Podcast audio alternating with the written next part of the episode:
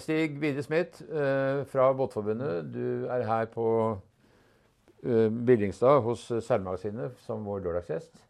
Det er jeg. Hjertelig takk. Og eh, grunnen til det er at ditt forbund har besluttet å gå til saksmål mot Oslo kommune fordi at de fjerner båtplassene og opplag i Bessumkilen.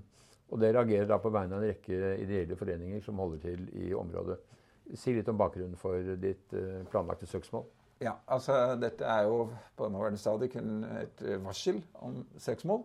Eh, og situasjonen er jo den at vi har i Båtforbundet har syv båtlag som da er berørt av områdereguleringen på Skøyen.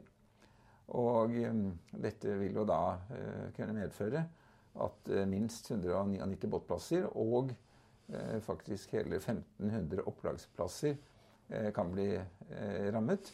Det er ingen plan på hva man skal gjøre med båtene hvis man vedtar utbygging da, av dette området. Hva sier dette om Oslo kommunes innstilling til båtfolket, egentlig? Ja, Det har jeg ikke lyst til å uttale meg om, fordi det er jo ikke bra. Eh, Det er jo slik at eh, Oslofjorden er veldig populær. Det anslås at eh, det er om lag 600 000 personer på, på Oslofjorden, altså hele, hele fjorden, i løpet av, eh, av eh, et, en sommer. Og det er veldig populært eh, å, å bruke fjorden for hva fjorden er eh, verdt. Så eh, i praksis eh, i Oslo så har vi jo to eh, havneanlegg, eh, systemer. Det ene er Frognerkilen, det andre er Bestumkilen. Og hvis man da raderer bort eh, Bestumkilen, så blir det fryktelig, fryktelig eh, trangt. Og eh, det rammer veldig mange mennesker som har glede av eh, fjorden. Vi må huske på at det er jo ikke bare båteierne eh, som, som bruker dette her. Det er mange folk om bord i, i, i båtene. Så det er veldig uheldig hvis man halverer båtmiljøet, det maritime miljøet, miljøet i Oslo. Men i Bestefjellet så skjer dette fordi man ønsker boligutbygging. Ja, det er bolig og kontorer det er snakk om. Og um, vi har full forståelse for at det må være by, byutvikling. Det sier seg selv. Det er et flott eh, område. Det som er sterkt kritikkverdig, det er jo at det ikke foreligger noen, noen ordentlig plan da, i forhold til hva man skal gjøre med det maritime kystmiljøet fra Bessumkilen. Mm. Det er jo mange av disse plassene som er vinteropplag eh, på land. De må jo ikke nødvendigvis være i Oslo. Det kan man jo flytte ut et eller annet sted. Men de plassene som er i sjøen, og som dessuten er sterk, veldig sterkt subsidiert av eh, disse ideelle båtforeningene, hvor eh, man jo er på venteliste og har ansiennitet for å komme inn. Og man, har man en, en sånn plass, så har man jo eh, i, i lang tid, og og det er li, lite sirkulasjon. Det er et veldig lukket system til veldig gunstige priser. Og for dem er jo dette et stort tap, selvfølgelig. Det er det. Det må være dårlig MDG-politikk, vil jeg tro, å sende 1500 båter, som i dag er i, i opplag i dette området, eh, langt ut på, på landet på lastebiler og lignende. Jeg kan ikke fatte at MDG syns det er kult. Men det er litt pussig at eh, når man skal presentere Oslo som sjøby, med flotte tegninger og grafikk og sånn, så er det jo alltid seilbåter og liv ved sjøen. Men når det skal bygges ut i praksis, så er det jo ikke sånn. Nei, det er langt fra reklame og grafikk til eh, virkelighetens verden. Mm. Det har jo vært veldig liten interesse for å utvikle fjordbyen. Eh, Man er veldig flink til å uttrykke at Oslo skal være fjordby, men vi ser jo ikke så veldig mye eh, til dette, dessverre.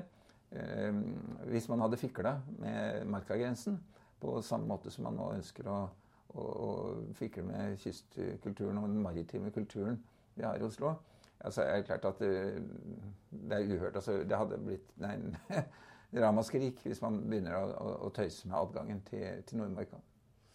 Men uh, hvor gode sjanser har dere for å nå gjennom dette, tror du? Det er veldig politisk. Um, denne situasjonen vi er i nå, den skulle vi aldri ha hatt. Jeg vil starte der. Fordi vi har gjentatte ganger uh, forsøkt å komme i dialog både med, med, med Markussen, altså, eh, som har ansvar for dette i byrådet, og, og Raymond. Men eh, det har vært veldig vanskelig. Eh, vi har knapt nok fått møte noen fra sekretariatet. Og Det betyr at de har ikke fått lov til å være med i prosessen. Vi har ikke hatt eh, noen påvirkning eller muligheter til å gi alternative forslag. Dette området, Bestemkilden, det består stort sett av gjørme og veldig dårlige bunnforhold. Så det blir spennende å se hva kommunen kan klare å få ut av dette i, i verdi. Man tror at dette har vært mange, mange, mange milliarder.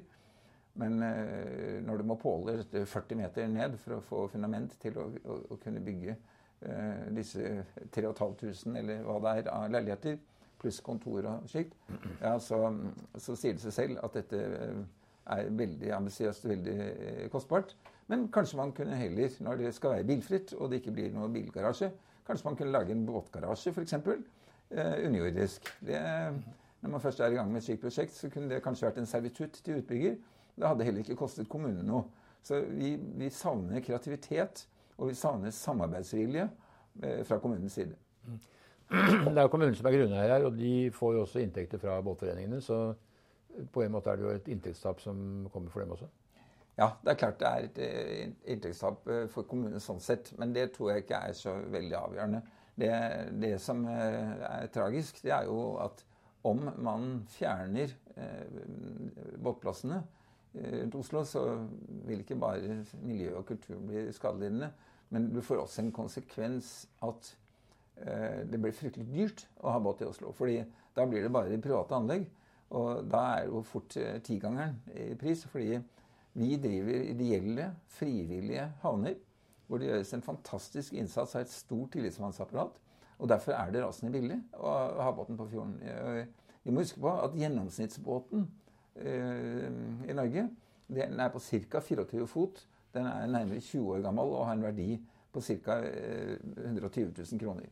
Det er bare å ta oss en tur ned til Frognerkilen eller Bestundkilen, mm. så ser vi jo uh, hva som ligger der. Det er jo ikke noen sånne svære palass av, av båter. Mm. Det er som boligmarkeder. De fleste boliger er helt normale, og så har du et palass innimellom. Mm. Men det, det, store gross av båter som rammes her, det er folk flest og vanlige folk.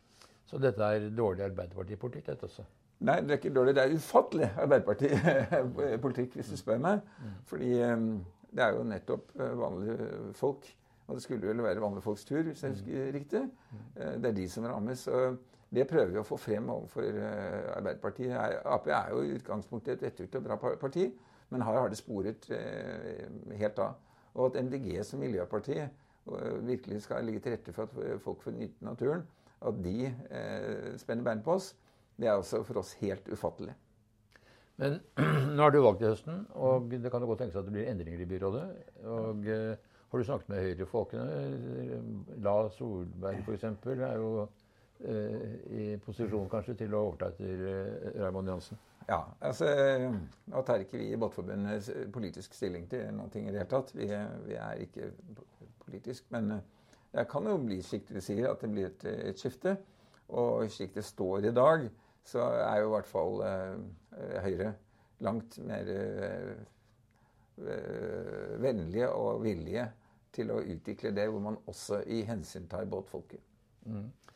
Jeg håper at du når frem. Eh, du er jo aktiv i media. Du har vært intervjuet i radioen, og på Seilmagasinet i går var det en sak om deg.